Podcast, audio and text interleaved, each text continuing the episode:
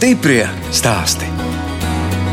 Sadarbībā ar Latvijas valsts mežiem.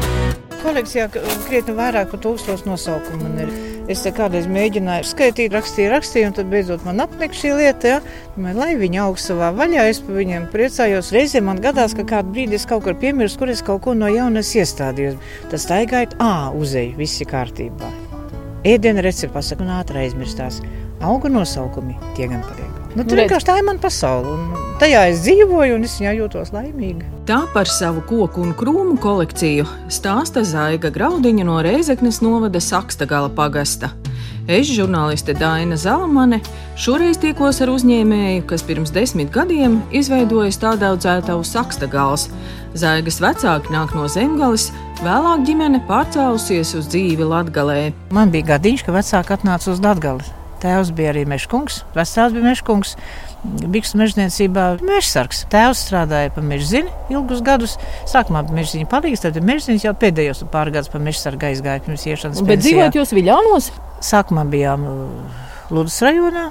Skolā sāk iet Silaraču pamatskolā Lūdzu rajonā. Man bija pieci gadi, es lasīju, rakstīju, rēķināju, un vēl kā šodien atceros. Mežniecības mājā bija vienā galā bija kantūras mežniecība, un otrā galā bija mūsu dzīvoklis. Tās bija izstāstījis grāmatvedēji. Sīkais zina reizrēķinu līdz tūkstotim no galvas. Grāmatved netic. Nu, ko iesauc man iekšā, viņi pasaka, tikreiz tik ir. Es pasaku uzreiz, viņi griež. Bija tāds rēķinā mašīna Fēliks, tāds roku griežamo roku, tur kā šodien atceros, griež, griež, griež to Fēliksu. Jā, Tiešām, vēl kaut ko nosauc, man ir tik un tik. Viņa atkal griež, griež, griež. Jā, kā tā var būt? Nu, man bija ļoti laba atmiņa, un man padevās viss. Man neviens nemācīja, kaut kā tas viss pats no sevis nāca.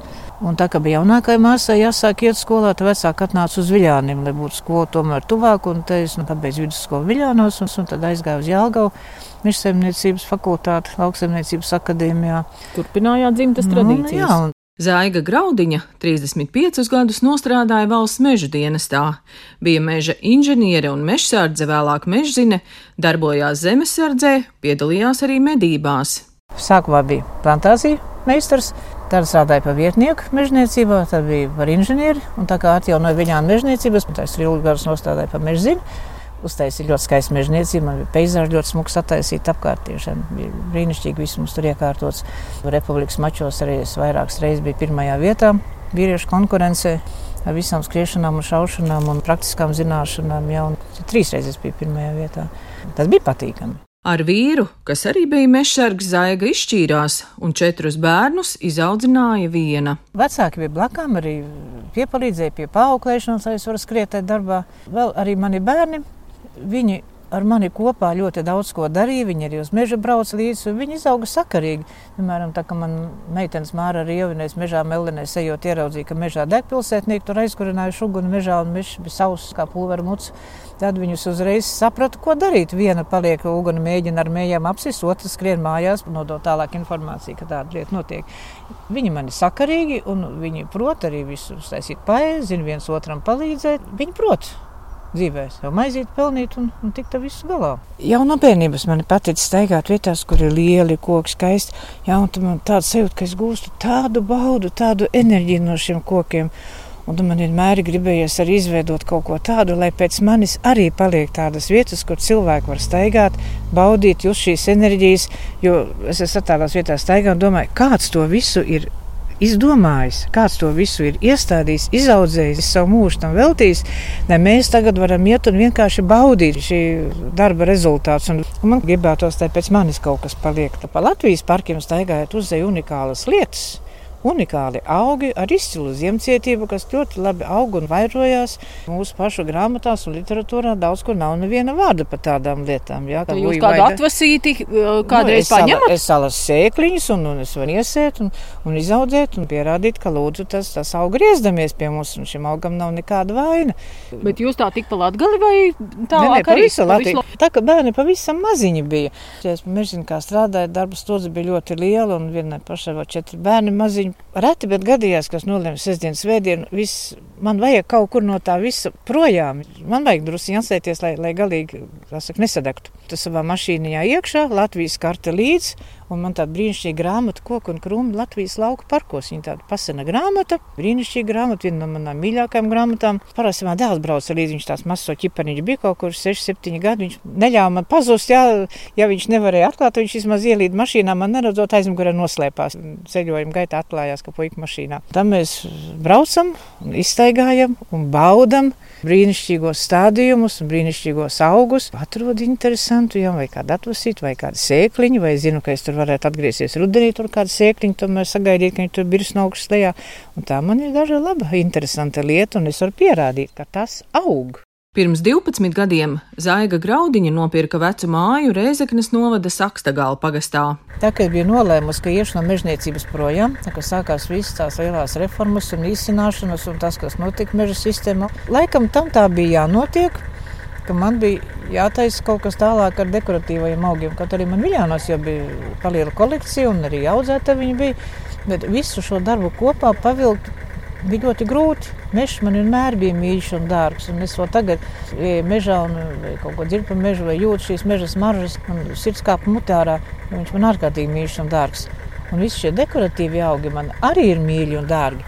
Jau bērnībā man patika ar tēvu mežā iet un ieraudzīt, ka zeltainīti vajadzēja iestādīt un sulpurinīt iestādīt. Un kas bija gundagai, viena lapiņa tāda, otra šitāda, un kāpēc viņa tāda interesanta un iestādīt. Tur jau tā sēkla manī tika sēkla laikam pamazām iekšā. Man tas viss ārkārtīgi patika. Bet Abus šos lielos vezumus arī bija grūti pavilkt. Laikam, šī daļa bija tā, kas man bija jādara. Tāpēc arī tā doma radās meklēt tādu vietu, nevis vienkārši kaut kur savu māju, jo valsts meža dienestā strādājot, kas man bija dienesta dzīvoklis, nu vairāk nekā 35 gadu nostrādāt, un kāds pliks atnāca, tāds pliks arī palikt. Bija nolēmts, ka ir jāmeklē kaut kur savu mājiņu, savu vietiņu. Ja reiz es kaut ko gribu ar stādiem druskuļi darīt, un valdiņa vēl gāja skolā, lai tiek uz skolu un tā tālāk, tātad kaut kur pie ceļa. No šo vietu Tantūrs bija gatavs pārdot, un, protams, par pietiekoši lielu naudu, paņēma lielu kredītu. Man bija tāds mazs meža gabaliņš, ko man, paldies Dievam, izdevās tā ļoti labi realizēt tajā brīdī. Nopirku šo mājiņu, Tā mēs te sākām. Māja bija tādā stadijā, ka sākumā gulēja mašīnā, pat matracīt nebija, kur nolikt mājā iekšā. Visa elektrība viss bija norauts. Tad bērni ņēma draugus un, un paziņas, un katru dienu braucam no Viljāniem uz šeit. Kā divas nedēļas tīrījām iekšā mājas un ap māju un dedzinājām, lai es varu vismaz matracīt nolikt mājā iekšā. Tad viens elektrības vecs bija, Laurīts man dēliņš malas kaut kādus tur atvilka līdz elektriskai plītiņai pagalmā. Tad mums vienu dienu bija makaroni pa flotski, tad otrā dienā bija griķi pa flotski, un trešā dienā bija pusvārīta pelmeņa. Tējai kafijai vēl uzsildījām ūdeni. Un tāds mums tas sākums bija. Tad, skatoties uz tiem desmit gadiem, tad tiešām te var sēdēt, skatīties un teikt, cik daudz ir padarīts. Nu, kaut kas jau ir. Senos laikos bija āboliņa mājas, šai vietai nosaukums. Un tā kā saimnieki bija pārdevuši vienam, otram, trešajam, un pēdējā kundzīte bija krievu tautības, un tā, kad notika zemes reforma, tad viņa kā krievu tautības cilvēks, viņa to vārdu mājas bija atmetusi, un tāpēc palika tikai jāboliņa. Un es patiesībā piekarinu to vārdu mājas klāt, bet tā kā mums šeit ir tāda audzētava, tagad mūsu lielākā daļa cilvēku zina, ka vienkārši tāda audzētava sakstagals. Zaiga vēl izstāstiet par saviem auskariem, tātad jums katrā ausī ir pieci. Tikai pieci, pieci riņķīši. Bija vairāk, un bija arī degunā. Bija. Tas tā bērnu iespējā? Nē, palika viena četriem maziem bērniem, darbs, mājas, Un čingstēt nav nekāda jēga, un es arī nedrīkst publiski parādīt, ka es čingstu. Un kādreiz vakaros liekas tik grūti. Un gribas kaut ko izdarīt, ne tā kā parasti. Un ko vīrieši tādā reizē dara? Izdara šņabi. Es nevaru atļauties, jo man, man ir bērni un darbs un darbs un vispārējais. Izdarīsim ausī caurumu. Paiet kāds laiks, atkal uznāk kāds brīdis, ka tā un tā man, tā, man tās ausis bija pilnas ar auskariem. Bet tā, tā jau laba zīme, ka tagad ir mazāk tie auskari, tad, tad jau tas grūtums ir pāri. Viens, ja? viens brīdis bija tāds, ka man vajadzēja izņemt ārā, un kaut kā es neieliku uzreiz atpakaļ, un tie cauri viņa aizvilkās ciet, un tam man viņa tad palika. Tik viens, cik ir, vairs tikai pa pieci katrā ausī. Jā, bet tas bija interesanti. Tajā laikā vēl nevienam nebija tik daudz auskaru ausī. Eja kaut kur pa ielu vai kādā sabiedriskā vietā, un tad meitenes un jaunietis un sievas un piebaks viens otram, un, un puiši tāpatās un tā pirksta rādes. Skaties, skaties, kas tur ir. Jā. Tas bija amizanti. Stiprie stāsti.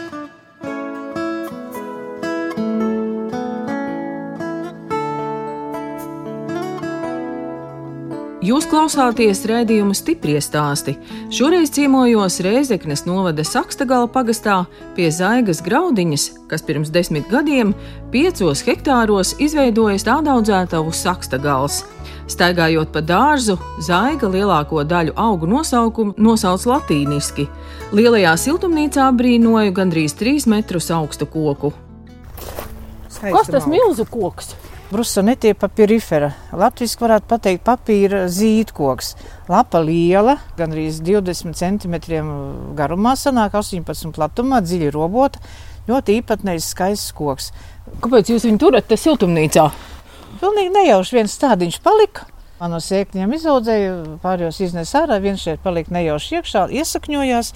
Man bija žēl viņu mest ārā, un tā viņš te palika. Viņš te aug un vairojās. Un viņš jums siltumnīcu nesabojās. Nu, nē, es jau viņu pazāģēju pa laikam. Tāpat tās te otrā pusē te auga Ailands augstākais, jeb šo dievu koks, Ailands Saltissima bija. Tas arī auga augas, viņa zāģēja, zāģēja. Nu, beigās nozāģēja pavisam, tagad ir atvasīts tikai nedaudz nāku lapus, viņam metru garas. Ļoti labas enerģijas šim kokam, tāpēc arī nosaukums viņam dievu koks. Latviešiem bija kādreiz pie mājām populāra lieta, parastais senais dievkociņš, un tagad jau arī tomēr ir kas uh, pērk un stāda. Tam klimata ziņā nekāda problēma nav. Jo tas kungs katrā reģionā ir iedevis augus, kas mums ir vajadzīgi. Tie, kas šeit ļoti labi dzīvo un kas dod mums visu to, ko mums vajag, vienkārši mēs esam kaut kur jau pārāk tālu aizgājuši no dabas. Pamazām mēģinām vilkt atpakaļ. Ir ļoti interesants augs, Ponsirus trifoliāta. Jā, ļoti īpatnējs, mūžzaļš krūmiņš, auglīši kaut kur 3-4 cm diametrā ar izteiktu citrusa smaržu. Ēdama tur nekā nav, bet, ka viņu nogatavojušos jau stājas vaļā, ņem ārā sēkņas, un šī citrusa smarža tik patīkama un jauka. Nu, es viņu ļoti mīlu. Jūs visus latīniski zināt nosaukumus? Principā, jā. Braucam savā laikā uz rudens tādu parādu būduros. Meitiņa valda tās pusauga meitenes bija un iedeva viņai tādu melnrakstu, saka, to ātri pie datora uztaisīt sarakstu, vai būdros es varu uzlikt uz dēļ, lai cilvēks uzreiz redz, kas man ir, jā, lai, lai nav katram jāstāst. Lai braucam būdros, uzliek lielos sarakstus skaisti un cilvēki nāk un viss lasa un viss pērk, viss notiek. Tagad ap kādiem četriem pēcpusdienā tautas jau paliek krietni mazāk. Pienāk viens kungs vidējos gados izlasa to, kas uz tā dēļa rakstīts un tā ļoti nopietnu seju, un neviens vaips viņa sejā nenokustās, saka, jums gan tādi interesanti nosaukumi. Un es uzreiz, jā, vēdaru izgāzusi, jā, man ir grieķijas periplokas, man ir pakis, Andras, un man ir pīpju koki, un man ir tas, un man ir šitas. Viņš atkal ne viņš pasmaida neko ļoti nopietni. Ja izvēlās dažus tādus, nopērk paldies un aiziet.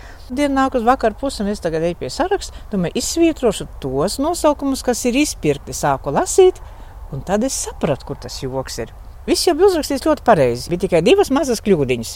Tur, kur bija jābūt rakstītam mūžzaļie bukši, bija pierakstīts mūžzaļie bikši. Un tur, kur bija jābūt pierakstītam ķemveidas partija, tā ļoti skaisti graudzālī, tur bija pierakstīts ķemveidas partija. Bērns vienkārši ļoti ātri rakstot, pilnīgi nejauši tas bija gadījies, un neviens nebija pamanījis šo kļūdu. Un viens arī neko neteica, varbūt kas redzēja, varbūt neredzēja, bet šis kungs vienīgi, jums gan te tādi interesanti nosaukumi, un es, jā, un šo momentu es neaizmirsīšu nekad. Flokšu kolekcija diezgan liela. Arī cilvēks pasteigā apkārt un tas skatās. Kas šitie ir? Redz, viens ar lielām lapām, viens ar zaļām. Tas ir heiherņas. Jau vienas no heiherām. Heiheras ir diezgan daudz šķirnes pasaulē. Man kādas 7, 8 šķirnīs ir tikai pamatā viņam lapu krāsa ir brīnišķīga. Zaiga priecājas, ka stādaudzētavā lieli palīgi ir meita Ieva un dēls Lauris. Dēls apmet līkumu pasaulē atnāca atpakaļ uz un, un, un, un visu savu tādu racionālu skatījumu tajā lietā arī pievērsās. Jau man ļoti patīkami, jo tas, kā viņš paskatās, tas arī kaut kas ir jauns. Padomāju, un atrodu to par labu esmu, jo viņš tiešām ir ļoti gudrs. Tehniskā ziņā, visu tehnisko parku viņš uztur izcili. Visu šīs zemniecības sēklas, māju arī viņš ir pārtaisījis. Tā kā paldies Dieviņam, ka man ir dēliņš. Mans meita Ieviņa arī atmet lielu līkumu pa pasauli. Atnāca oktobrī pagājušajā gadā arī uz šejienes apakaļ dzīvot. Acīm redzot, tam tā bija jābūt. Jo vienai pašai taču te būtu grūti. Tas būtu drusīgi pat raku, ja es būtu te viena palikusi. Varbūt es arī būtu pārtraukusi ar šo lietu, nodarboties, paliktu tikai kolekcija, vai es spētu no tā atteikties?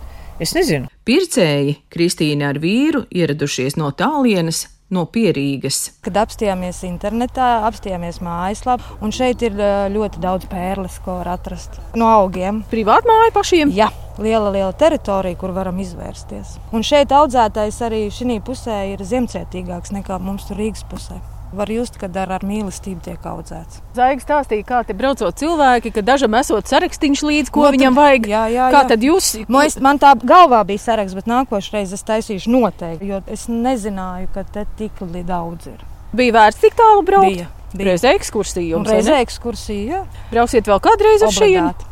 Obligāti ar garu sarakstu. Tā jau laikam ir cilvēki, kas sāk kaut ko pirkt, tad nevar rimties. Nevar, tā ir slimība. Piemēram, šis koks vispār nekur nevar atrast. Kas tas ir? Tas ir uh, skābeņu koks. Sarkans, sarkans lapas rudenī. Būs, jo? jā. Tāpēc jau retumi top, lai, lai šādiem kārumniekiem arī ir kāds prieciņš. Kad... Nu, jūs jau droši vien visiem paprasāt, no kurienes tie cilvēki brauc. No, tad tiešām daudzi brauc no Rīgas arī. No Rīgas, no Liepājas gala atbrauc. Būtībā no visas Latvijas atbrauc. Bet pamatā arī... taču ir Latgale ikdienišķās lietas, kas vajadzīgas, tad tie ir Latvijas reģions. Ja, bet retumi jau nāk no visas Latvijas. Tad te brauc tādi fenčmakeri. Kārumnieki. Pašai kā kolekcionāram ir allaž paticis vākt dažādas retumus, izmēģināt, kā nu viņi aug, kā viņi dzīvo, vai viņi ziet, vai viņi ziemas pacieš, vai viņi vairojās, vai viņam tās sēkliņas būs dīkstošas, vai no spraudenīšiem var taisīt, vai kā. Ir jau arī kas aiziet bojā. Ir šis tas, kas neizdodas. Ir kas izdodas. Un tad, kad es izbaudīju pats uz savas ādas, kā ar viņu ir jāpietās, tad es arī varu pastāstīt cilvēkiem, kā viņš aug un ko viņš dara un ko viņš ēd un ko viņš nēd. Un par augiem es varu runāt bez apstājas, lai tik būtu kaut viens, kas klausās, vai vismaz izliekas, ka klausās. par augiem var, var runāt un runāt, jo tā pasaule ir tik skaista, viņa ir tik skaista un brīnišķīga. Vislabākais, kas var būt, ir šī zaļā pasaule pa dienu liekas nostrādājies no stresa un viss kaut kas. Tad vakarā, kad vārti ciet, var apiet pa savu teritoriju un baudīt tos kokus un krūmus. Nu, kas var būt labāks par šo? Nu, jums arī skaisti tāda ieplaciņa. Te jau pavisam bija savādāk. Te, kur ir siltumnīca, te bija tāds uzkalns. Un šeit, kur ir tagad tādu laukumu, te bija tāda leja purus. Un iebraukšanas vieta arī pretī mājai bija. Un tā kā dēls atbrauc no ārzemēm pie manis dzīvot, tad viņam radās doma, ka vajadzētu uztaisīt citu iebrauktuvi, jo cilvēki brauc iekšā, lai viņi nenāk uzreiz pie dzīvojamās mājas klāt, jo tomēr nodalīt šīs zonas atsevišķi. Uz tādu laukumu man jau pamaz vietas palika. Tad viņam radās doma šeit šo ielēju visu, te tāds purviņš bija apakšā aizbērts, iet uztaisīt lielāku tādu laukumu un pārtaisīt uh, iebraucamo vietu. Padomājām kopā, jā, doma ir ļoti laba, nu, darbs ir liels. Nu, jāpiesauc atkal vecais labais Rainis. Acis darba izbijās, un rokas darba nebijās. rokas darba nebijās, zinājās padarīt. Ķērāmies tam visam klāt, un tagad iebraukt ir pārcelt, un, un tagad ir arī laukums, kur mašīnām iebraukt iekšā, jo tur pie mājām nebija vietas. Tad brauc lielie autobusi ekskursijās, autobusu stāv uz lielā ceļa, cilvēkā pārā, tas ir atkal ir ļoti bīstami. Ceļinieki atbalstīju šo lietu, lai šī situācija neradītu tādus avārijas momentus. Piekrītu tam, ka iebrauktu tiek pārcelt un mašīnu laukums tagad ir viet, visiem vietiņas pietiek. Un šito guļbūves namiņu, kur jūs mūs sagaidījāt, kā to jūs tagad saucat? Tās man ir kantorītes. Sākumā kantorītes bija 150 metru no šejienes, citā vietā. Taisīja tepat mūsu Nu, izkāpts ciema zēni, jā, tā ļoti labs tur tās nelielas gatavības. Viņa taisa arī savas guļbūvītes. Saka, man vajag mazu kantorīt pie tāda laukuma blakām. Nevar iet, ja papīri jāuzraksta, vītiņas jāuzraksta. Nu, jau tā tālāk kādreiz vai ne? Nu, jā, jā, jā, jā. Nu, kādā formā taisīsim. Es saku, nu, tādu kā roķu mājiņu, druscītiņas slīpām sieniņām, nu, gan izvērs visas kājas, jau nu gluži ne, nu, bet uz četriem akmentiņiem gan. Viņi nebija taisījuši tādu slīpo mājiņu, slīpajām sienām. Nu, mēģinās, nu, izdevās tiem zēniem apbraukt un salikt to mājiņu kopā. Grīdu griestus un jumtu un logus visu to man dēliņš salika iekšā. Nu, mājiņa izdevās. Un tā kā tādu laukumu pārvilkām uz šejieni, tad, kad man dēls šo māju visu uzlika uz diviem baigiem un pārvilka uz šejieni. Nevis izjauca, bet visu kopā atvilka. Nu, tā mums kaut kāda ir mazs kantorīts, kur mēs varam umulīgi sēdēt. Dārzā paskat, kāda jums ir tomēr milzīga laistīšanas sistēma ierīkota. Jā, savādāk jau nevar, jo auga podiņos jālai. Vasarā Tā kā nāk ilgstošs sausuma periods, arī dabīgs drusku jāpalaist. Pagājušā vasarā, piemēram, visu vasaru mums nebija lietas. Ja es tās dabīgs neliešu, tad jau arī man nebūs galīgi nekā ko parādīt. Kur nu, jūs to ūdeni ņemat? Man ir divi dīķi un arī urbums. Un vēl aizjām līdz tām ūdens rozēm. Redz, kā šitā es nebiju redzējusi, ka ir izrakts mazs dīķītis. Mēs šeit ieliekam tikai tos stādiņus, kas jau uzreiz ir nopērkami. Jā, ir man dīķos ūdens rozes, daudz ir baseini citur ar ūdens rozēm. Pagaidām man ir tikai 12 šķirnes vēl. Jā. Un cik tā būs? Dievs viņu zina. Stiprie stāsti.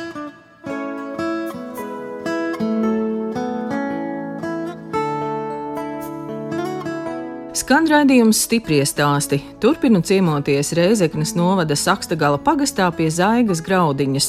Viņa pirms desmit gadiem izveidoja tādu audzētu uz Sakstagals.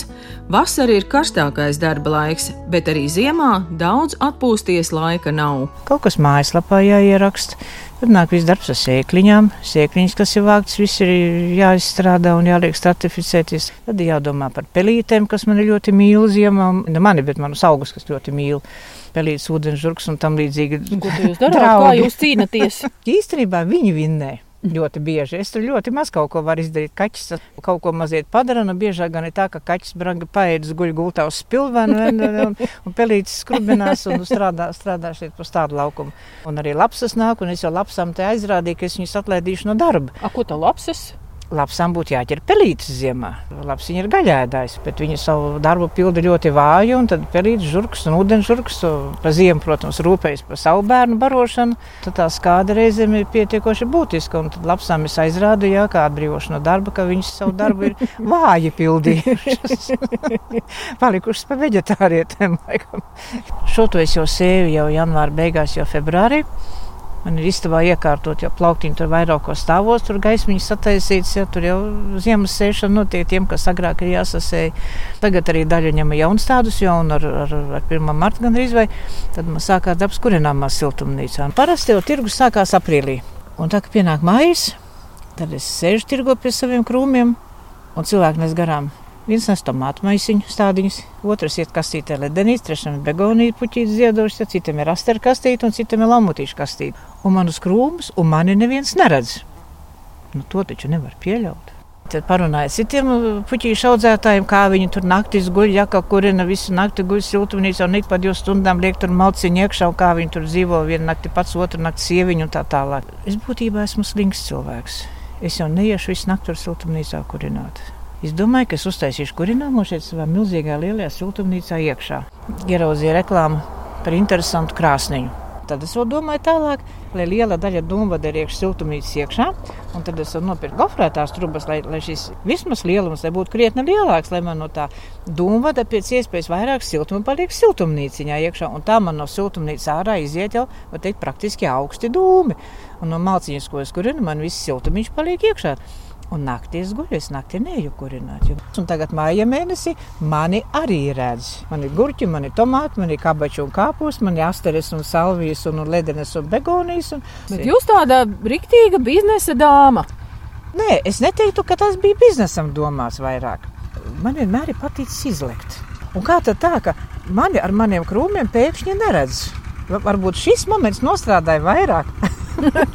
tas izlecēja moments. Jādomā visu laiku, nu, lai tā naudas plūsma tomēr neapstājas. Tieši ne? tā, bērniem naudu vajag, vai ne strādniekiem naudu vajag. Tur visu tehniku, tas viss maksā naudu. Lielu naudu viss maksā. Un tajā pašā laikā, labi, jā, man ir ko darīt, es visu laiku noskrienos, bet man nav garlaicīgi. Es jūtos noderīga un vajadzīga. Un tā, kad pienāk ziema un pēkšņi pienāk tas brīdis, kam neviens vairs nezina un nejautā par stādiem, es jūtos neomlīgi, ka mani nevienam vairs nevajag. Zaiga Graudiņa vēl stāsta par saviem četriem bērniem - meitām Māru, Ievu un Valdu un dēlu Lauri. Trīs no viņiem kādu laiku dzīvoja un strādāja ārzemēs. Varbūt viņiem pašiem gribējās izbaudīt kaut kur kaut ko, jo jauns ir jauns un vienmēr jau liekas labāk tur, kur mēs neesam. Nav jau tai pasaulē arī medusmuca, arī tur ir kārtīgi jāstrādā, un ar atklātām rokām neviens negaida. Un izbaudījuši savas ādas arī attieksmi pret šiem iebraucējiem strādniekiem. Meitiņa pat tur fabrikā strādāja, tur ķimikālijas, viss kaut kas no elpceļa sabojāt. Bērni bija Anglijā visi vai kaut kur bija citur? Anglijā, bija Austrijā arī pastrādāja. Pa skaistām acīm neviens nekur algu nemaksā, tas ir skaidrs. Bet jums nebija bail, kā paliks tur? Meita bija precējusies ar Grūzīnu, Austrijā satika un apprecējās. Mentalitātes tomēr ir ļoti atšķirīgas, tagad viņi ir izšķīrušies. Bērnus saitē nevar piesiet un arī nevajag to darīt. Viņi taisa kļūdas, un viņiem acīm redzot, ir jāļauj tās savas kļūdas uztaisīt. Un, ja viņi paši izdomā nākt šeit atpakaļ, mammai palīdzēt, Laurijas tomēr vairāk pārdzīvoja par to, ka es esmu palikusi pie šī vezuma viena pati, ja nāca palīgā tajā vezumā iejukties un vilkt tālāk. Tā tad tam tā ir jābūt. Viņiem pašiem vajadzēja pieņemt šo lēmumu, atnākt atpakaļ. Tas ir labāk nekā es viņus būtu raģitējusi vai vilkusi. Nu, redz, no tā labi, ka tā meita ieva atgriezās, tad jūs paspēsiet viņai vēl tās savas zināšanas nodot nu, kaut ko jau pastāstu. Cenšos. Un arī es jau smējos, ka neizstāstu uzreiz visu savādāk, es nebūšu vajadzīga. tā jau pavelkam uz zobu kādreiz arī. Ja kāds klients atbrauc, kāpēc savu meitiņu nezinu to un to saka, es pēc jau nesaku, lai, lai es arī esmu vajadzīga. Māra tad tomēr dzīvo Viļānos un Māra bija Māra, vienīgā, kas nekur neaizbrauca. Jā, Māra ir četri bērni, viņa nekur nebrauc projām un tāpat tās kā ir brīvs brīdis, viņa tāpat atbrauc uz šejieni. Puķis viņai ļoti patīk, augi viņai patīk. Valdiņa ir Anglijā, nu Valdiņa augus nemīl, un tur atkal neko nevar izdarīt, kaut arī viņa augus tajā pašā vidē, kur pārējie, bet viņa nemīl augus, un ja viņa nemīl augus, tur neko nevar izdarīt. Vēl par tiem septiņiem mazbērniem izstāstiet, cik tie mazbērni lieli? Lielākais tagad ies jau 9. klasē, Henrikiņš. Mārtiņš ies 5. klasītē, Andris ies 4. klasītē, Elīziņa ies 3. klasītē. Kas tagad tur vēl ir mājās? Ilmāram ir divi gadiņi, un Anglijā Edgariņam ir jau septiņi gadiņi, un Kristīnītei pieci gadiņi būs tagad. Un tā kā pilna māja ar bērniem, mazbērniem, tā kā visi iet ņegu ņegu, un tad ir labi. Un tā kā uznāk kāds brīdis, ka man neviena nav mājās, es jūtos tik neomalīgi. Laikam ir pierasts pie tā, ka mājās visu laiku tomēr kaut kas, kaut kas notiek. Nevēl arī tā Latvijas autora dziesma, jā, kas arī laime, kad uz galda ir maize un ap galdu ir saime. Nu, tur jau ir tā dzīves patiesība visā iekšā. Kā. Lielāko mūža daļu tagad esat pavadījusi Latvijā. Kā jūs pati citiem sakāt, ka jūs esat latgalieti vai tomēr? Nē, kaut kur reizi, ja kāds saka kaut ko par latgali, ne tik smuku un ne tik labu, Tad es esmu Latvijas eh, puses aizstāvētāja un karotājs un ļoti asu un kategoriski un uzstājos un esmu pat, pat šur tur piedāvājis sūdzēt tiesā par Latvijas apzinātu pazemošanu. Tas bija vienā internetu portālā. Ļoti neglīti raksti bija un, un es viņiem uzrakstīju, ja, ka es viņus vienkārši sūdzēšu tiesā par apzinātu Latvijas pazemošanu un nomelnošanu. Ne no es sūdzētu nekā, bet, bet laikam tomēr iedarbojās. Nu, paldies, ka, ka, ka ņēma vērā un vairs nav tādu neglītu rakstu tur. Sakstagala pagastā kādi uzņēmēji ir, ko cilvēki dara? Cilvēki strādā, cilvēki ir Nelabojami optimisti liela daļa. Ja? Nu, ir sabiedrības daļa, protams, kas ir mūžīgie bezdarbnieki jau 30 gadus un kas arī nekad nestrādās. Tā ir viena sabiedrības daļa, bet otra daļa ir nelabojami optimisti, kas tāpat ies un darīs. Un arī Sakstagala pagastā ir zemnieki, ir graudu audzētāji. Ja tāpat tās ir mājamatnieki, kas tur bišu stropiņus taisa un auž un, un, un visu kaut ko dara. Un guļbūvītes arī taisa un, un mēbeles arī ļoti interesants māk uztaisīt. Nu, kur tad dēls tagad brauks ar to traktoriņu? Kaut kur ved? Nu, tas zemī taisam, taisam jaunas dobas atkal. Dēls jau apcelā mani, jā, ka visur ir piebakstīts un piebakstīts un jau tā esošo nespēja apkop. Un vēl vajag jaunas dobas klāt. Tagad vēl siltumnīcā ievedīs zemīt. Tā kā lietas nav tas tādām laukā un tā kā lietas līdz, tad mums saka arī sagatavot darba fronti zem jumtiņa iekšā. Nē, no ar gadiem jau mēs sākam vairāk pievērsties tādām drusku garīgākām lietām. Sākumā skrien, skrien, skrien, skrien tā kā iejūt zirgs sauļos un nedomā neko. Un es arī reizēm domāju, kāda jēga ir tam, ko es daru un kāpēc es vispār to daru. Es varētu mierīgi sēdēt, saņemt savu pensiju, iet uz kādām večiņu sapulcēm, tamborēt, radīt un tā tālāk, kādas pūciņas sev. Bet tas mani neuzrunā. Es eju, es roku, es gādāju jaunus tādus, es mēģinu viņus stādīt, sēt, pavairot, spraudiņot un tā tālāk. Acīm redzot, tā tam vajadzēja būt. Tātad Šī bija mana misija. Nodarboties ar stādiem šeit, Latvijā. Ja reiz cilvēki nāk un pērk šos tādus, un zvana, un jautā, un interesējas, un tā kā es Eiropas gada tirgu ļoti bieži nāk klāt, ja nopirkuši kaut ko citur stādīju, es man rādu, ko man viņu darīt un kā man viņu pareizi audzēt. Tā tad mans tas pienākums, tas uzdevums, šī misija ir bijusi kaut ko uzzināt par augiem, lai es varētu dot šīs zināšanas tālāk. Raidījums stipri stāst izskan, un es atvados no stādaudzētavas sakstagals īpašnieces Zaigas Graudiņas. Augu kolekciju viņa sāka veidot vēl dzīvodama Viļānos un strādādama valsts meža dienestā, bet tagad stādaudzētavā sakstagals izveidojusi ne tikai lielu un retu augu kolekciju, bet arī kopā ar dēlu Lauri un meitu Ievu sakopusi vienu latgales stūrīti. No jums atvedās žurnāliste Dāna Zalamana un operātora Nora Mitspapa, lai tiktos atkal tieši pēc nedēļas.